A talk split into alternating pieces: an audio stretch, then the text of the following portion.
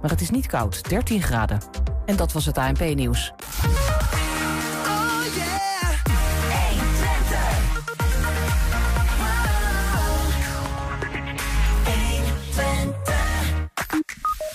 De binnentuin van Museum Hengelo is een historische steenrijker. Daar gaan we zo alles over horen.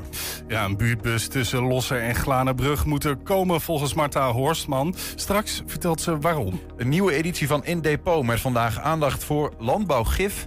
En een nieuwe editie van Twentse politici op weg naar het Binnenhof... met vandaag Hanneke Steen van het CDA. Het is maandag 13 november en dit is 120 vandaag. 120. 120 vandaag.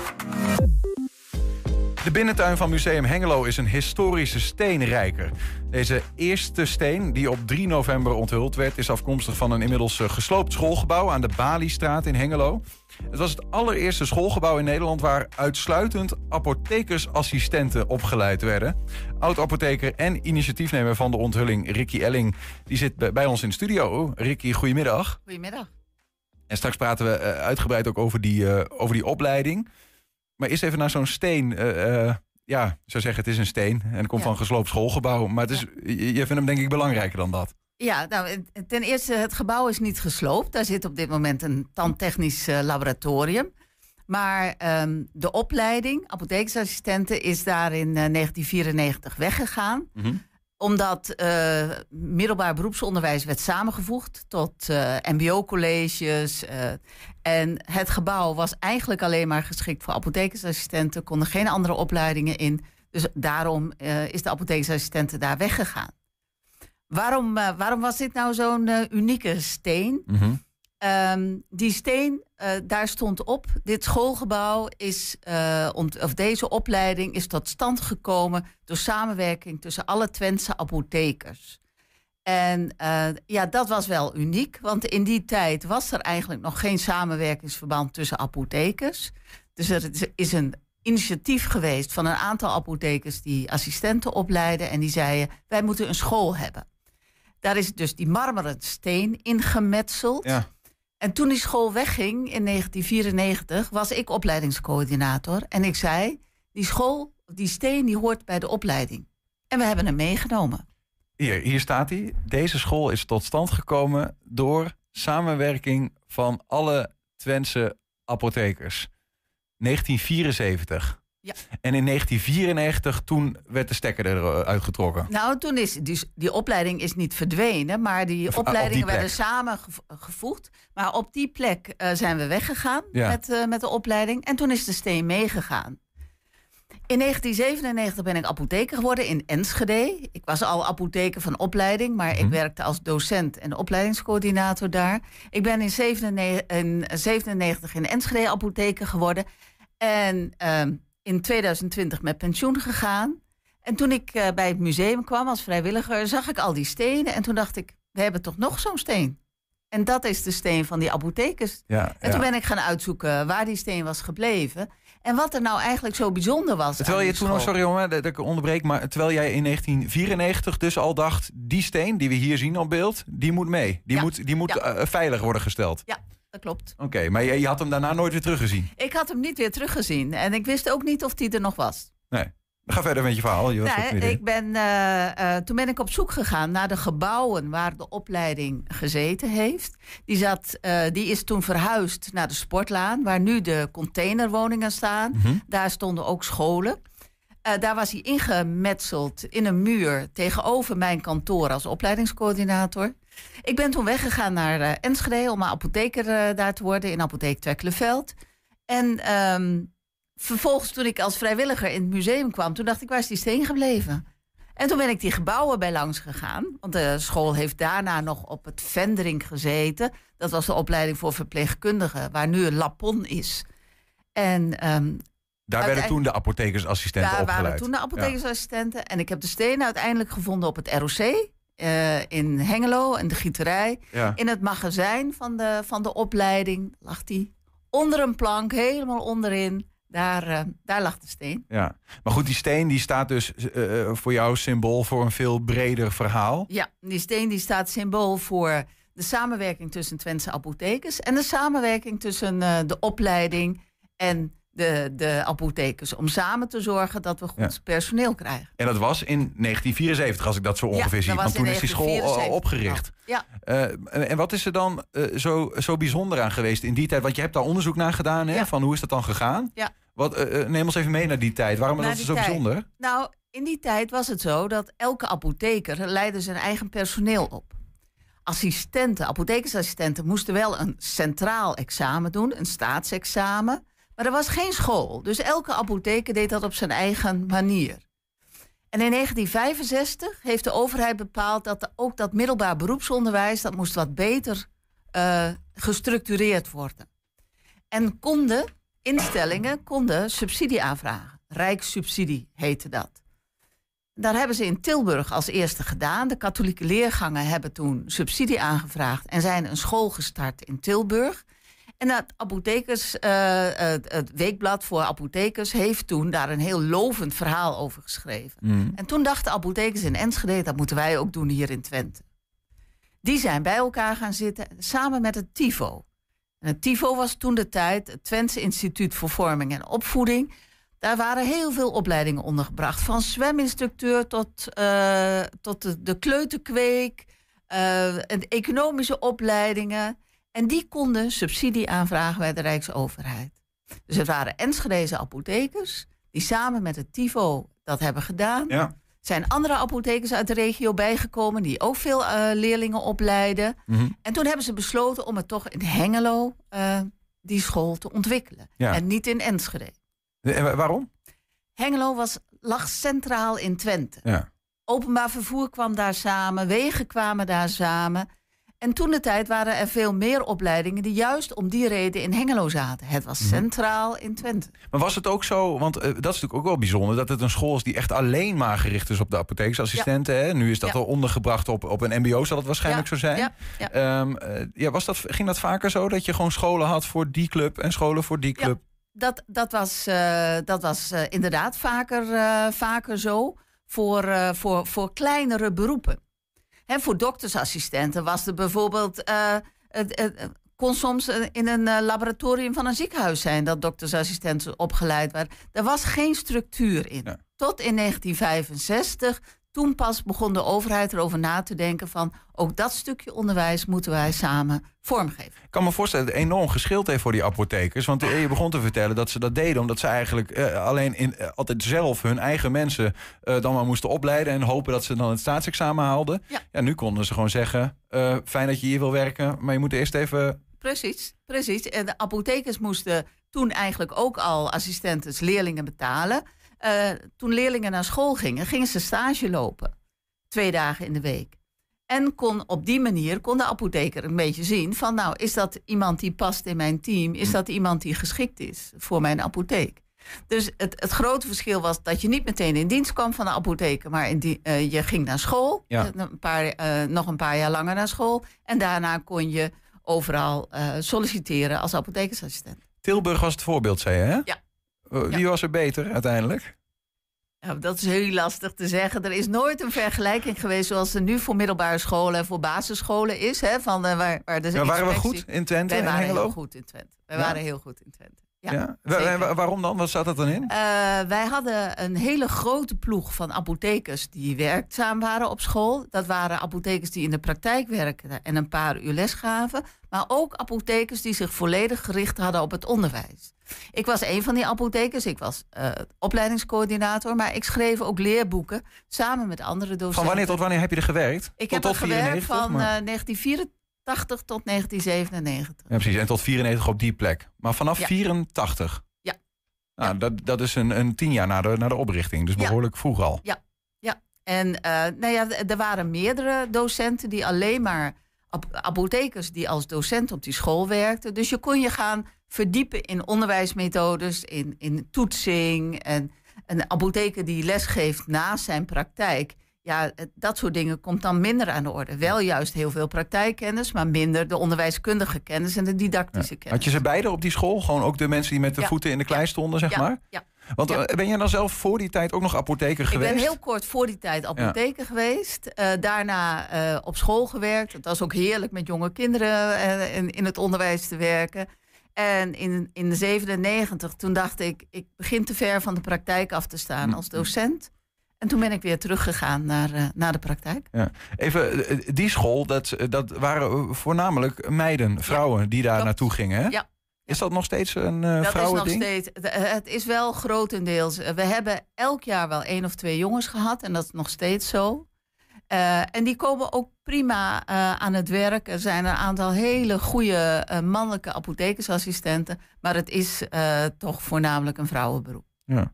ja, is dat gewoon omdat dat zo gegroeid is? Of is dat... eh, Ja, dat, is, dat is zo gegroeid. Eh, er is al in de 19e eeuw waren het vaak dochters van apothekers die in, het, in, de, in de apotheek meewerkten.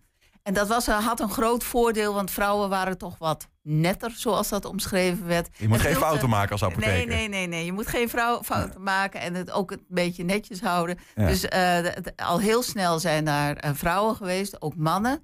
Maar mannen waren wat ontevreden over het feit dat ze zo weinig verdienden. Want het was ook een beetje een luxe beroep. Dus het werd niet zo heel goed betaald. En mannen zijn toen, hebben zich eigenlijk voor een deel afgescheiden en zijn drogisten geworden. Dus in de jaren 20, 30 werden de mannelijke apotheekbedienden, zoals die toen heten, zijn zich verder in de drogisterij Oh ja, gaan ja. verdiepen. En de vrouwen zijn gebleven.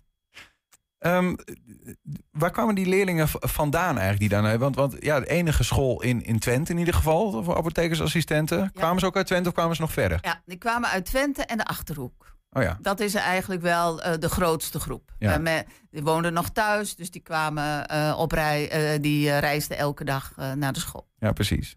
En, en in 1994 ging dat dus, stopte dat in ieder geval. Een, één school voor alleen apothekers. Ja. wat was daar dan precies de reden voor? Nou, het, het, het MBO werd inge, ingevoerd. Dat betekent grote MBO-colleges, waarbij ook de MEAO, de MTS, eh, de hele verzorging Kwam onder één dak. kwam onder één dak. Eh, daarna is het eh, ROC Oost-Nederland geworden. Waren er twee ROC's in Twente. En toen zijn ook heel veel ROC's een apothekersassistentenopleiding begonnen. Dus we hebben een tijdje twee opleidingen gehad. In Almelo bij Gravenvoorde en bij het ROC Oost-Nederland in, in Hengelo. Ja. Ehm, in, ik weet niet meer precies het jaartal, maar is eh, ROC van Twente gestart. En toen zijn die twee opleidingen ook weer samengevoegd. Was dat een goede zaak? Dat, dat de, de nou, eigenlijk eh seulement eh, apothekersopleiding opging in... Nou ja, die opleiding bestond nog wel, maar on- onder een dak ging met andere opleidingen. Ja, eh, eh, het is ook een kwestie van bekostiging. Het is, het is een kleine opleiding. En als je al de overhead samen kunt voegen in een mbo-college... heb je natuurlijk minder kosten in Want die was het daarvoor best wel een elitaire opleiding dan? Hoor ik je dat ook zeggen? Of Nou niet? nee, het was, het, het was duur. Eh, duur in de zin voor de overheid. Oké, maar voor de Niet leerlingen voor niet de per se. leerlingen niet. Oké, Nee, ja, nee. Ehm, het- ik ben ook wel benieuwd gewoon van, want dit, dit is een verhaal, dat, je, dat is een mooi verhaal over de geschiedenis van de apothekersopleidingen in, in Twente. Ja. Ehm, maar zegt dat nu ook nog iets, zeg maar? Dat je zegt van, nou ja, eh, die, eh, als het gaat over samenwerking in Twente onder apothekers of zo, of zeg je van nee, dit is gewoon die steen, die vertelt het verhaal van die geschiedenis en dat vind ik belangrijk. Nee, het, is, het, het zegt nog steeds hoe belangrijk het is dat een mbo-opleiding... die opleidt voor een praktisch vak... samenwerkt met de beroepsgroep, met het werkveld... met, met in dit geval de apothekers. Maar dat geldt ook voor de dokters, de tandartsassistenten. Dat geldt voor de lassen, voor, voor alle beroepen. Mhm. Binnen het mbo is het van belang dat er eh, praktijkervaring... op de werkvloer opgedaan kan worden... om zo leerlingen eh, goed op te leiden. Ja. Dus dat is nog steeds zo. En daarbij is het ook van belang dat de beroepsgroep samenwerkt. Dus de apotheker samenwerkt, samenwerkt met de school. Eh, daar eh, goede contacten mee heeft. Ja, ja. Maar ook onderling dat het niet altijd dezelfde stageverleners zijn, maar dat er eh, meerdere stageverleners zijn. Ja, toen ontstond het echt vanuit het werkveld. En Ja. nu is het, staat misschien soms het werkveld wat meer van... nou ja, de school leidt wel op voor ons. De- maar- en, maar die samenwerking moet er blijven zijn. Als de school alleen maar opwei- opleidt zonder die praktijk daarbij te betrekken, dan, dan maak je een theoretisch vak en dat is niet goed. Nog altijd een mooi vak, apothekersassistent. Ontzettend mooi vak. Ja. Ricky Elling, dankjewel dat je, dat je bij ons was. En eh, nou ja, succes eh, met, eh, nou ja, via die steen ook dan weer met de strijd voor het apothekersassistentenvak. Oké, dankjewel. Ja, we zijn ook als podcast te beluisteren via alle bekende platforms. Je vindt daar hele uitzendingen op 120 vandaag. En iedere dag één item uitgelicht. Dat is dus echt iedere dag op 120 vandaag uitgelicht. Een buurtbus tussen Losser en Glanenbrug moet er komen volgens Marta Horsman. Straks vertelt ze waarom. 120. 120. 120 vandaag. Ja, in de aanloop naar de Tweede Kamerverkiezingen trekken 120 en Twente FM samen op om zetelkandidaten uit de regio te portretteren. Vandaag Hanneke Steen uit Hengelo. Zij wil de Kamer in voor het CDA. En politiek verslaggever Bouwin Rutte ging met haar in gesprek. Nou, Hanneke, leuk dat je hier bent met Oude Reten vanmiddag. Om met ons in gesprek te zijn. gaan. Ja, hartstikke Ja. leuk.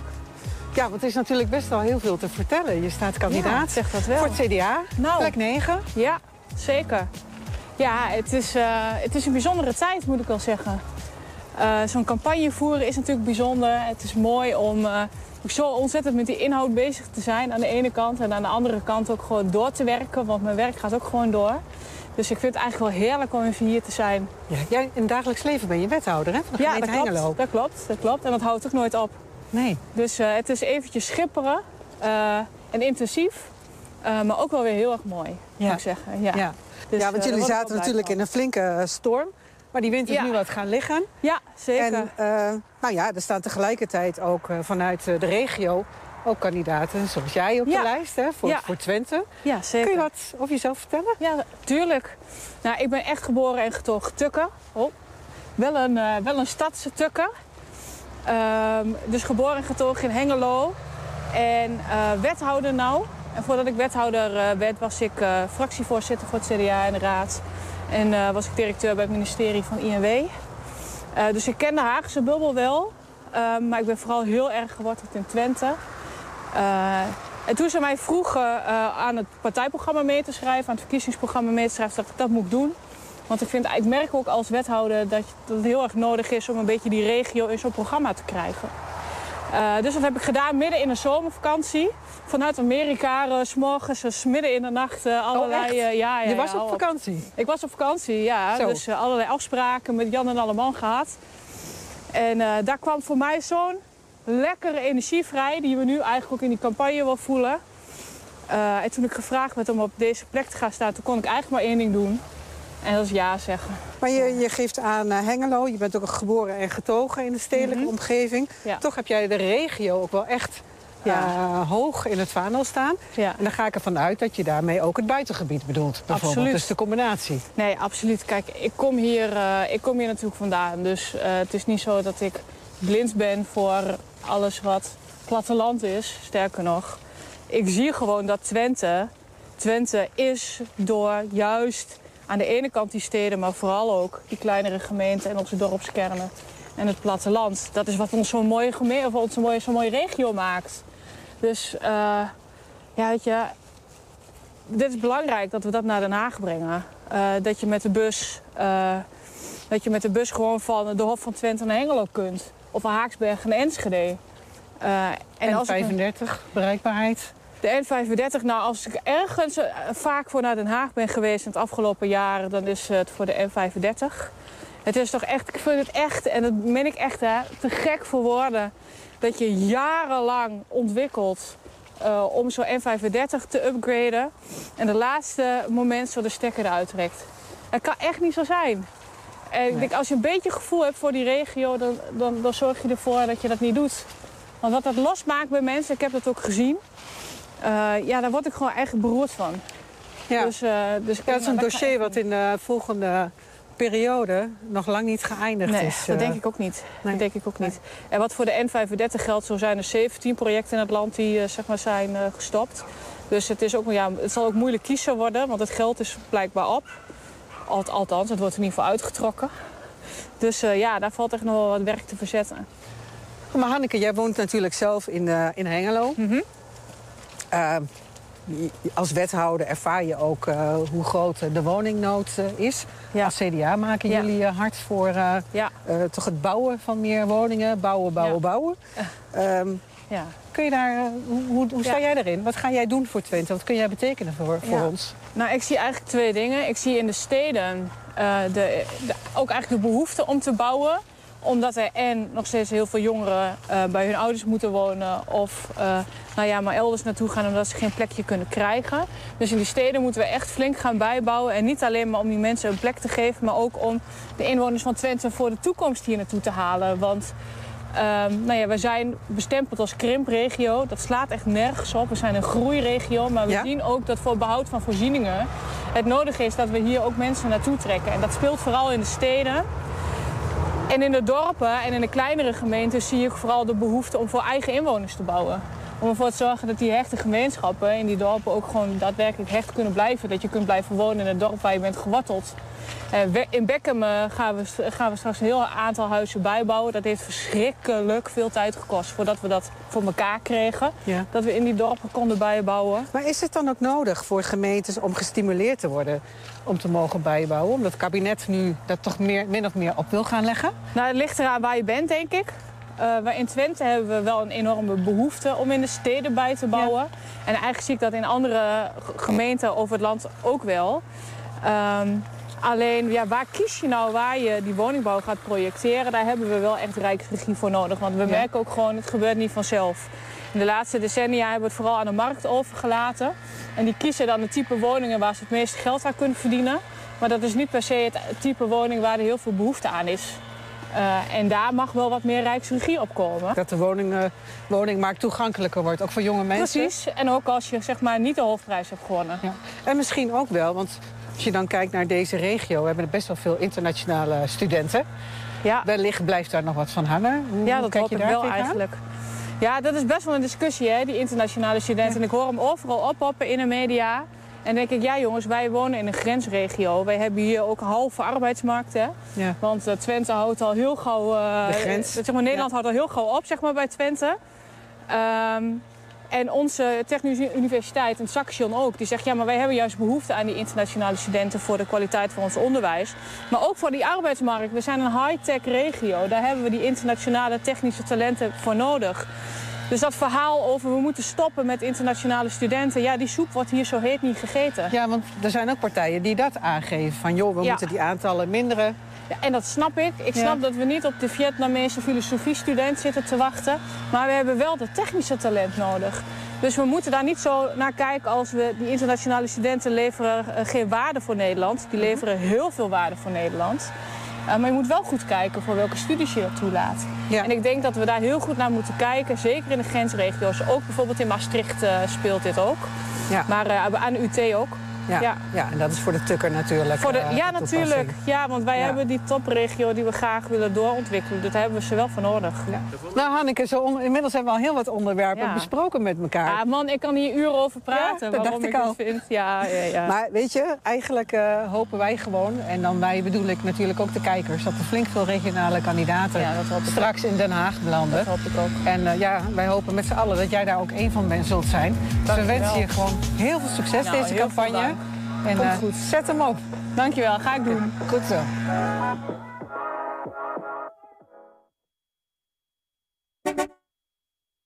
Nu moet ik wel de goeie, maar de de video hoort eigenlijk nog Het lijkt alsof je in de, in de, in de auto zit. Eh, Gaat in één keer Ja, toeter. nee, nee, nee. Heeft misschien met het volgende onderwerp te maken. 120 vandaag. Ja, ik dacht, ik doe gewoon eens een keer wat leuks. Ja, leuk. Eh, eh, we Kunnen mensen uit Glanenbrug in 2024 met de bus naar Losser? En wellicht nog belangrijker, kunnen inwoners van Glanen... die aangewezen zijn op openbaar vervoer... dan eindelijk überhaupt zelfstandig weg? Al vijf jaar lang strijdt de dorpsraad van Glanen... voor een buslijn van Glanenbrug naar Losser en terug via Glanen. Ze zijn niet alleen, ook Marta Horsman, raadslid van Burgerforum Losser... vechten al die tijd al met hen mee. Maar nu schijnt er eindelijk licht aan de horizon. Marta, goedemiddag. Goedemiddag. Afgelopen donderdagavond, een informatieavond voor ehm, mensen die eventueel vrijwilliger willen worden op een buurtbus. eh, op dat traject. Ehm, mede door jou geïnitieerd. Eh, dat zou het probleem op moeten lossen. Was zeer succesvol. Klopt. We hadden eh, onze eerste bijeenkomst afgelopen donderdag. En ehm, ja, we wisten eigenlijk niet wat we konden verwachten. We hadden stilletjes een hoop van, nou, misschien 20 mensen. En er hebben zich donderdagavond 31 mensen aangemeld als vrijwilliger voor de buurtbus. Die moet gaan rijden tussen Lossen, Glanen, Glanenbreekhoek en Glanenbrug. Ja, dan ben je er nog niet. We komen straks verder te spreken over hoe dat precies in zijn werk gaat. Wat er allemaal nodig is. Eh, maar eerst even een stapje terug, Marta. Dit, dit verhaal speelt dus al vijf eh, jaar. Neem ons even mee terug in de tijd. ik, eh, ik ben hier voor vijf jaar terug al mee begonnen. Toen met mijn, mijn neefje, die, die vond het heel belangrijk. Die woonde in Glanenbrug om een buurtbus te krijgen. dat lukte me niet. wel steeds contact gehad met de concessiemanager van de provincie Overijssel. vorig jaar zijn wij in de coalitie gekozen. En daarin is, hebben we gezegd, we willen graag dat kleine dorpen en kernen bereikbaar en leefbaar blijven. Nou, toen hebben we het weer opgepakt. Ik ben een aantal keren bij de dorpsraad uh, geweest, dat ook steeds benoemd. En van de zomer hebben we een brief gestuurd naar de provincie. En daar uh, mocht ik op 20 september mocht ik daar komen inspreken bij de commissie Verkeer en Vervoer. En dat was heel bijzonder. Ik heb daar, uh, dan sta je daar in de grote provinciezaal en daar worden heel veel vragen gesteld. Mhm. Uh, want ook de provincie heeft het in hun coalitieakkoord staan. Het staat ook in het PPLG, het provinciaal inpassingsplan. Ja. Uh, dat kleine dorpen en kernen bereikbaar moeten blijven en zijn. Want een Glane en een Glane Beekhoek hebben niets meer. Er is geen huisarts, er is geen winkel, er is geen helemaal niks. Voor alles zijn ze aangewezen op Losser of Glanenbrug. Het Ja, gemeentehuis, de huisarts, de kerk, alles. Ja, en even voor het Dus beeld, hè, Losser, Losser Glanenbrug, Marta, ik heb het even opgezocht. Eh, eh, ongeveer 9 kilometer als je eh, nou ja, kern tot uiteinde ongeveer rekent. 30 minuten fietsen. Daartussenin ligt bijvoorbeeld een dorp als, als Glanen. Die mensen, die, Ja. die, die, als ze niet met de bus kunnen en ze hebben ook niks anders... dan zitten ze gewoon geïsoleerd. Thuis, thuis, veel thuis. Of, of afhankelijk zijn van familie. Want je hebt ouderen... eh, jullie hebben in het verleden zelf een heel mooi filmpje gemaakt... over Marijke van der Veen. Mhm. Eh, hoe belangrijk of het voor haar is om eh, zelfstandig te kunnen gaan reizen en niet alleen naar de winkel. Zij heeft familie wonen in Winterswijk en daar wil zij zelfstandig naartoe kunnen reizen. Maar zij kan haar driewielen niet zomaar bij een fietsenstalling bij de bushalte parkeren. Nee. Eh, daarvoor is die gewoon te duur. Dus voor haar is het zo belangrijk dat de bus komt in de Glanen die haar naar eh Glanenbrug kan brengen, waar ze over kan stappen op lijn 3 naar Enschede. Ja. En van daaruit overstappen naar Winterswijk. Zij is Nou, een, Hoe mooi zou dat zijn? zij is een, een voorbeeld eh, van, van mensen die daar eh, nou ja, niet alleen baat bij zouden kunnen hebben, maar ook, last hebben van de situatie zoals die Ja. nu is. Je noemde al even, hè, de collega's van Twente FM gingen eerder met haar op pad. Even kijken. Ik fiets op een driewielfiets. Dus ik kan niet zo heel ver lopen, omdat ik last heb van mijn evenwicht. Dus ik moet naar de dichtstbijzijnde bushalte gaan. Dat is of in Overdinkel of in Losser. En als ik de fiets niet mee wil nemen, zou ik moeten lopen. En dan ben ik minstens drie kwartier onderweg. En ja, dan ben ik al zoveel verder in mijn energie... dat ik eigenlijk niet zoveel meer aan mijn dag heb. Dus dat is gewoon heel jammer. En als ik de bus in Enschede wil nemen om daar naartoe te gaan... omdat ik een broer heb die ziek is, vriendinnen heb die verder weg wonen... dan ja, moet ik nogal eh omslachtig te werk gaan.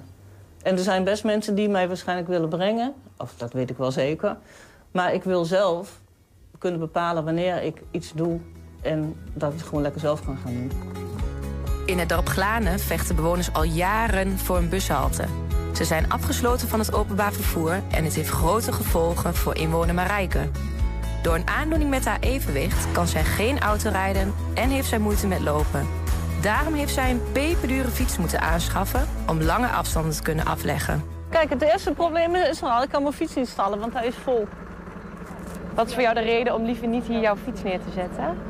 Omdat hij voor mijn gevoel te openbaar staat. Dan ben ik bang dat ze de accu's eraf gaan halen of gewoon de fiets mee gaan nemen. Als ik hem, als ik hem niet meer zal hebben, dan kom ik bijna de deur niet uit. Dat is in feite de realiteit. Wat zou jou het dan brengen, zo'n buslijn? Eh, rust en een kortere reistijd. Gemak. Dan kan ik zelfstandig eh, mijn weg gaan. En dat is wel voor mij heel erg belangrijk. Dus eigenlijk betekent een bushalte wel meer dan alleen openbaar vervoer voor jou. Ja, absoluut. Ja, waar, waar een ander zo in de auto kan stappen, kan ik dan op mijn manier mijn eigen weg gaan. Ja. Eh, een van die voorbeelden, hè, Marijke, eh, eigenlijk gewoon verstoken van de mogelijkheden om eh, eh, ja, naar buiten te komen in Glanen. Dus wat dat betreft, wij, moeilijk voor te stellen als je in Enschede woont. Maar Ehm, eh, ander voorbeeld, Marta. Jij had in 2019 in een, in een gesprek met de krant... noemde je bijvoorbeeld scholieren die van Glanenbrug op school zitten in Losser. Ehm, eh. Die, die, die zouden ook baat hebben bij zo'n lijn. Absoluut. Eh, er zitten, we hebben natuurlijk in Losse Twents Carmel. Het zijn eh, jongeren die in Glanenbrug wonen. Die ervoor gekozen hebben om naar Losse te gaan. Omdat het wat kleinschaliger is.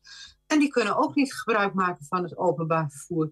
Maar niet alleen jongeren. Er werd mij laatst nog gewezen op ouderen. Glanenbrug heeft geen zwembad meer. Dan moeten ze voor naar Enschede. Maar dan kunnen ze ook voor naar Losse toe. Om te kunnen zwemmen in een oudere groep. Dus het is weer niet alleen de jeugd. ja. Het zijn ook de ouderen. En ook studenten die kunnen reizen vanaf Losse naar het station in Glanenbrug. Ja. Daar de trein kunnen pakken naar Münster. Want ook daar zitten studenten op school op de universiteit. Of de andere kant op. Marta, ehm, eh, ik, ik, ik haalde al even een, een quote van jouzelf aan in Tubantia uit 2019. Maar in datzelfde stuk eh, even een paar eh, citaten daaruit. Ehm, he- het plan is donderdagmiddag besproken, staat in 2019. hè, en volgens Horsman lijkt niets de invoer van een nieuwe lijn in de weg te staan. Twee, in een eerder gesprek met de gemeente is al gesproken over lijn 64. En die zou dan zo goed als klaar zijn. Drie, Horsman verwacht dat op zijn vroegst in december 2020 de eerste reizigers gebruik kunnen maken van de lijn. Dat ging toen nog niet over een buurtbus, maar over een normale buslijn. Wat is er gebeurd? Wat is er misgegaan? Nou, ik heb in het verleden gesproken van kunnen we niet lijn 64 die vanaf ehm, Almelo komt of Tubbergen gaat, Oldenzaal, zou die niet via de Glanen kunnen gaan rijden? Want Overdenkel heeft twee lijnen al. Nou, dat was eh, voor heel veel mensen uit Overdenkel toch een stap te ver om eh, die bus even om te buigen naar de Glanen. En eh, dus toen is het op een heel laag pitje weer neergezet. En het blijkt ook, want we hebben een gesprek gehad met Keoli, de vervoerder van nu, dat de buslijn die vanaf eh, Almelo komt, via Tubbergen-Oldenzaal komt naar Overdinkel, is een hele rendabele lijn. Dus daar willen ze gewoon niet aan tornen. Nee, nee, precies. Dus ja. we moeten het op een andere manier gaan invullen. We moeten Ja. het echt met een buurtbus gaan doen. Ja, en dat is nu dus wat, wat er voor de. Ja, het is soms ook een beetje een ingewikkeld verhaal. hè. Hoe werkt dat? Wie bepaalt er eigenlijk welke, w- welke lijn waar? Kun je daar in heel kort iets over zeggen? Hoe werkt dat eigenlijk, zo'n totstandkoming van zo'n buslijn? Ja, dat bepaalt op zich bepaalt uit de provincie. Een concessie, zoals dat heet, is een bepaald gebied waar je een vergunning voor krijgt, waar je met een bus openbaar vervoer mag gaan leveren. Nou, daar zitten een heleboel vaste lijnen in. Enschede, eh, Hengelo, Almelo, eh, stadsbussen, al dat soort dingen zitten daarin verweven. En daar moeten we ook een, eh, een tracé krijgen voor lossen naar Glanenbrug toe. Mhm. Ja. Maar goed, eh, als de, de, de uitvoerder dus, eh, in dit geval is dat Keoli, zeg je, die dat nu zou moeten doen? Ja, dat, dat is nu nog Keoli en dat wordt per 10 december wordt dat Arriva. Wordt dat Arriva? Als die, als, die moet dan wel daar een oplossing voor zien. En Die anders. daar, en ik heb een afspraak staan met de concessiemanager van de provincie Ja. om in december samen naar Arriva te gaan om te kijken wat is er mogelijk. Want binnen de concessie is er ruimte voor een buurtbus. Oké, en dat betekent dat daar eventueel Arriva heeft daar wat geld voor. Nou ja, daar, de, de vervoerder moet een bus beschikbaar stellen. Ja. En de, de, de, provincie stelt ook een bedrag beschikbaar voor het onderhoud van die bus. En Ja, ja. voor andere investeringskosten en dergelijke. Want je wilt natuurlijk ook hebben eh, dat je een plek hebt waar de chauffeurs een kop koffie kunnen drinken. Maar ook dat ze representatief de weg op kunnen. Ja. Eh, dat soort dingen, daar zitten ook allemaal kosten aan. In ieder geval is het nu zo dat de, de mensen die die bus dan bestieren, die moeten gevonden worden. En dat zijn dan, moeten dan vrijwilligers zijn. Want er is geen geld voor Ja, een normale buslijn. Nee. Ehm, eh, En, want dat is natuurlijk ook, daarom is het ook een stuk voordeliger. Want je hebt geen FTE's nodig die je betalen moet. Wij rijden met vrijwilligers. En de vrijwilligers, ja, we proberen een schema, een, een rooster te maken. Dat ze één keer in de twee of drie weken kunnen gaan rijden. ja, daarvoor heb je 40 mensen nodig. Je zei net al even succesvol afgelopen donderdag al 31 mensen die zich gemeld hebben. Die andere Ja. negen die moeten zich nog melden. Nou, ehm, ik zat vanmorgen al op 38. Oh, Dus wauw. hebben nog twee nodig. Nog twee te gaan. Nou, ik heb ge- gehoord dat eh, collega Wim Aarsen van Twente FM eh, de laatste spot invult als, hij- als, er- als er echt Als nog maar eentje komt, nodig is. komt, eh, Wim komt ons helpen. Ik ga diezelfde belofte niet doen, Marta, want dat is ook niet, niet, niet veilig voor de mensen in die bus, denk ik. Ehm, maar wanneer, wanneer moet hij gaan rijden, wat jou betreft? Nou ja, wij willen graag in het voorjaar rijden.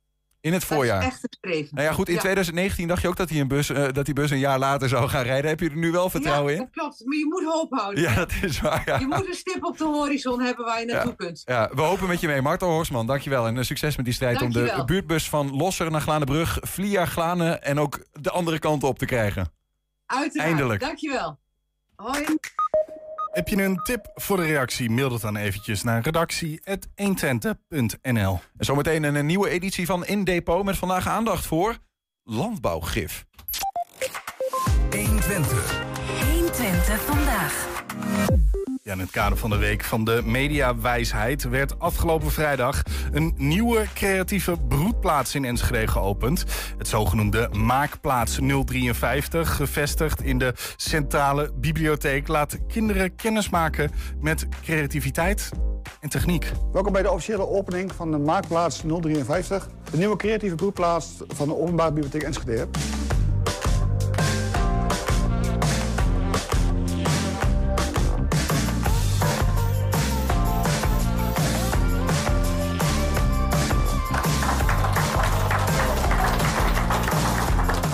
Zijn bij de opening van, eh, van de Maakplaats 053. Een nieuwe creatieve broedplaats eh, in de Bibliotheek Enschede. We zijn meer dan alleen maar het uitlenen van boeken. En dat blijkt wel, want er zijn heel veel kinderen eh, aan het ontdekken, aan het spelen, eh, dingen aan het maken. Hè? Het woord zegt het al.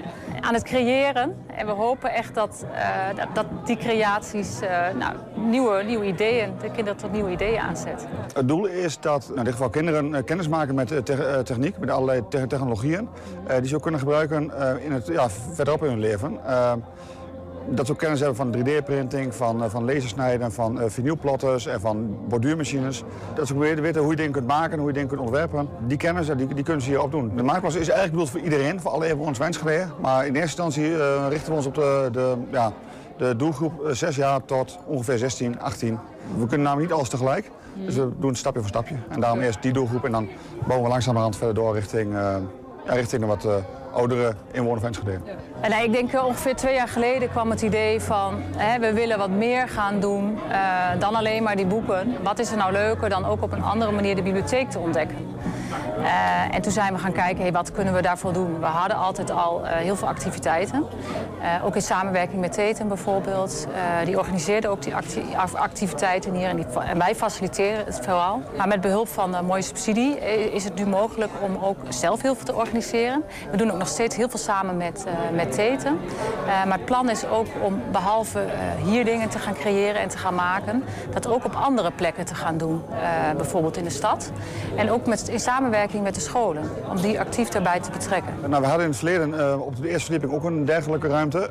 Alleen die was afgesloten, dus werk- alleen maar op afspraak kon je erbij. Maar het leek ons juist goed om het in, ja, dat in, in de openbaar, ja, echt open was, dat iedereen erbij kan. Nou, dus nou, gekeken naar welke ruimte hebben we beschikbaar, nou, welke financiële middelen hebben we beschikbaar. Nou, we hebben eh, toevallig dit jaar een, mooie subsidie binnengekregen van een van de partners, creatieve broedplaatsen, eh, zoals meer partijen in Twente. Eh, daarnaast een mooie bijdrage van twinning-participaties, ook, nou, waardoor dit, dit wat je nu achter ons ziet mogelijk gemaakt is. Maar de bedoeling is dat we ook een aantal apparaten mee kunnen nemen en kunnen laten zien van hé, hey, wat is zo'n maakplaats nou precies?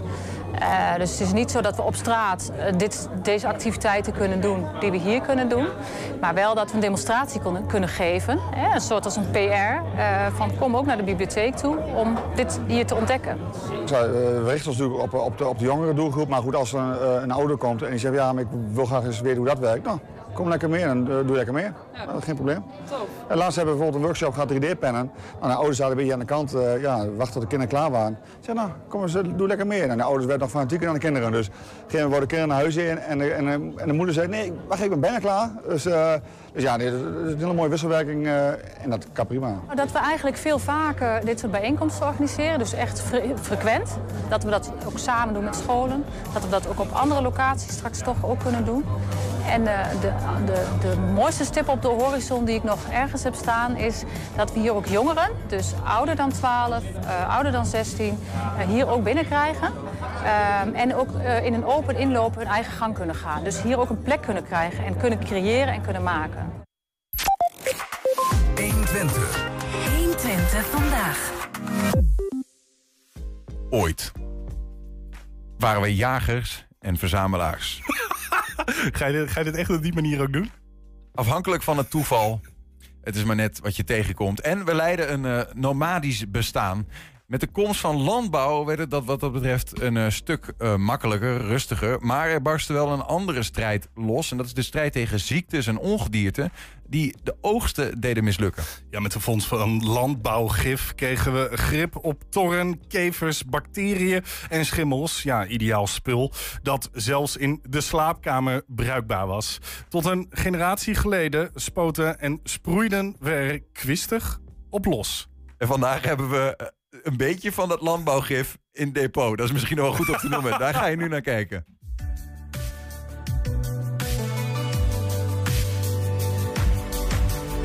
Meneer Plokker. Ja. We gaan het over gif hebben. Ja. Dat vermoeden had ik al. Ja, dit zijn gifspuiten. Ja, klopt. Allerlei soorten. Ja. Oudere gifspuiten. In, in de landbouw is het natuurlijk heel onzeker. Met, eh, je, je, je kweekt eh, gewassen Ja. en er hoeft maar wat te gebeuren. En, en die gewassen die, eh, eh, ja, die verpieteren, verdrogen, ver, eh, worden opgegeten. En eh, dat is altijd ja, eh, die onzekerheid van een boer. Dus hij heeft altijd al vanuit de oudheid van, gedaan van hoe, hoe kan ik dat voorkomen dat, eh, de, eh, eh, dat die onzekerheid verdwijnt en, eh, eh, da- en dat mijn oogst goed wordt. Ja, ja, en daar probeer je middelen voor te vinden. En de Romeinen hadden dus al dat residu van die eh, eh, olijfolie. En daar smeerden ze van alles mee in. En dat hielp heel erg goed tegen, eh, tegen allerlei kevertjes en, en insecten. Dus die heeft altijd maatregelen gedaan. En een van de belangrijkste is, wat men van vroeger eigenlijk en nog steeds doet, is ploegen. Ploegen, vroeger werd soms wel vijf, zes keer per jaar geploegd. Zo Alleen vaak? maar, ja, alleen maar om het onkruid weg te halen. Onkruid verdrinkt de gewassen. Ja. En door heel vaak te ploegen, ook als het land braak lag, vooral als het land braak lag, dan eh, ja, moest men ploegen om maar dat onkruid eh, eh, te verdelgen. Dus dat is een van de oudste eh, eh, gewas, gewasbescherming eh, eigenlijk. Eh, alleen het punt was, eh, eh, men introduceerde een gif en men ging daarmee spuiten. En na een x aantal jaren eh, eh, kwamen toch die, eh, dat onkruid en toch die insecten, toch die schimmels, die kwamen op, want die werden resistent. En men verzon weer een nieuw gif. Nou, dat is eigenlijk een soort wedloop eigenlijk, die nog steeds aan de gang Een is. soort wedloop met de natuur om elke keer een nieuw middel... Je hebt elke keer een nieuw middel nodig omdat dat wat je res- resistent wordt. Dat, dat kan dat gif op een gegeven moment aan. Ja, ja, ja. Maar we hebben op een gegeven moment natuurlijk ook ontdekt dat gif ehm, ook echt gif is. Ja. Dat het niet heel gezond is voor het Ja, milieu niet ja, en ja. ook voor onszelf natuurlijk ja. niet. Nou ja, dat had men eigenlijk pas... pas eh, eh, dus, dus je hebt een hele lange periode dat het toegepast werd. En daar was eigenlijk... überhaupt werd daar niet over nagedacht. Pas, pas in de jaren 50 eigenlijk. En, en begin de jaren 60, toen kwam pas echt het besef... Maar dat kwam vooral door de DDT. Ik kan me de discussie toch wel herinneren over DDT. ja, klopt, want DDT is destijds in... ehm, eh, het is al in, in 1895 of zo is het ontdekt. Maar men had toen nog geen toepassing. En in 1939 is het ontdekt als landbouwgif. Van, wij kunnen het heel goed gebruiken voor... ehm, Verdelgen van... En dat... Insecten. Insecten. Ja, ja, DDT was echt een insectengif. En eh, eh, in, de, ja, in, de, in de Tweede Wereldoorlog werd het een beetje eh, voor het eerst toegepast. Maar na de Tweede Wereldoorlog werd het pas echt heel populair. Ik heb een verhaal gelezen van, een, eh, eh, van mensen die zeiden dat was vroeger zo gewoon. Als je gewoon bramen geplukt had. En dan ging je lekker, zijn moeders die zeiden dan van... oh, wacht even, eerst even wat DDT DDT-poeder erover. Er zijn alle insectjes in de bramen op. En dan kan je daarna lekker die bramen opeten. Ja, nu lachen we erom, maar Ja. destijds Ja. eh, deden dat massaal. Hè? Ja, want op een gegeven moment, ja, klopt. En op een gegeven moment kwam er uit onderzoek van dat heel veel dieren die veel DDT hadden gebruikt, eh, dat die allemaal onvruchtbaar werden. Ja. En toen kwam wel zo'n besef zo van, ja, als dat bij al die dieren is, zou dat bij de mensen ook niet zo zijn. Ja. En er is heel veel ophef over geweest, op een documentaire van een eh, Amerikaan of Engelsman. En, die, eh, eh, en toen werd het ineens pas boem door, eigenlijk door eigenlijk alle regeringen al verboden. op een aantal uitzonderingen na, want het wordt nog steeds wel gebruikt, DDT. Oké, maar d- dat Ja. wist ik niet. Waar, waar, Onder hele speciale omstandigheden dat er niks, niks anders helpt als DDT, mag je op die plekken DDT spuiten. Ook hier in Nederland mag dat Nee, dan niet in? Nederland. Nee, nee, nee, gebeurt op, maar op wereldschaal gebeurt dat nog wel hier en daar. Ja. Rotzooi. Ja. Ja. Ja, je, had een buisje meegenomen. Ja, ja. Nou ja, dit, dit was gewoon, eh, dit is echt voor, voor, voor landbouwdoeleinden. Eh, eh, dit, eh, een, een flitspuit. Eh, Het is wel een bekende dit is ook spuit, flitspuit. Wel Flit, flitspuit, ja. zo heette dat. Ja. Voor, voor eh, eh, vliegen kakkerlakken staat hier. En eh, er waren ook, eh, wat, wel, wat ik wel grappig vond, er waren, deze is dan van Esso, maar Shell die had ook, eh, eh, die bracht het op de markt. En die bracht de DDT op de markt, hebben we het dan over. of dus- gif. Ja, ja deze, dit, dit is DDT-spuit. Ja. En eh, eh, nou, hier spoot je gewoon... eh, nou, als je last van mug had in huis, dan spoot je gewoon zo even door het huis. En dan, die, muggen, die, het werkt op het zenuwstelsel. Hè, dus, dus die, alle insecten die worden eerst hyperactief... en dan vervolgens eh, verlamt het en gaan ze dood. Het werkt ja, perfect. Nog steeds eigenlijk. Ja. ja. Ja, en, en, eh, en als je niet met een spuit door het, eh, door het huis wilde gaan... eh, om, om de insecten weg te krijgen... dan hadden ze ook nog deze, dit hulpmiddel. Dit is hier is een, eh, een, eh, een lampje. Ja? Nou, dat kon je in een stopcontact zetten. En daar zit een soort, het lampje zit een soort holte in. Ja. Nou, dan kon je dit DDT-korreltjes kon je hier inleggen. En dat was een soort DDT-verstuiver voor in huis. Zo dampen, lekker zo op je nachtkastje. Ja, ja, ja, last wat van je, muggen. ja, ja, wat je nu, eh, nu inderdaad ook wel eens van, die, eh, Ja. van die, al die geurtjes hebt en zo. Nou, dan kan je hier lekker op een lampje DDT doen. En dan had je geen last van, eh, van muggen. Nee, je libido ging ook naar de kloot. Maar het, want, want dit, dit is een soort, dit zijn Ja, korrels. dat is de DDT-poeder. Ja. Ja, DDT-korrels. Ja. Ja. Dit, dit is het spul wat bij het lampje hoorde. Hey, en, ehm, maar dat heeft natuurlijk een enorm effect gehad op... eh, je had het al over arbeid, eh, minder arbeidsintensief. Ja. Eh, welk Ja. effect heeft dat er meer gehad? Op, op, en en nou ja, we hebben het al over vervuiling van... op, op, opbrengstverhoging. Men, je hebt minder mensen nodig om het land te bewerken. Dus die mensen zijn beschikbaar voor andere eh, doeleinden in de industrie of nou ja, andere vakken. Hè. Dus een, vroeger werkte een groot gedeelte van de bevolking in de landbouw. Nou ja, dit zal meegeholpen hebben dat een heleboel mensen van landbouw naar, eh, eh, naar andere takken, naar diensten of naar industrie zijn gegaan. Dus ehm, ja, er zitten voor de, de, de, de, de, de zaten zitten voor boeren grote voordelen aan Ja. om dit, eh, dit te gebruiken. Mooi, dankjewel. Graag gedaan. En daarmee zijn we ook aan het einde gekomen van 120 vandaag. Zijn we al klaar? We zijn al klaar. We zijn wat eerder klaar als normaal. Maar dat, dat zal wel nieuw zijn voor deze periode. Terugkijken kan. 120.nl, 8 en 10 zijn we ook op televisie te zien. Zometeen op televisie. 120 voetbaltijd.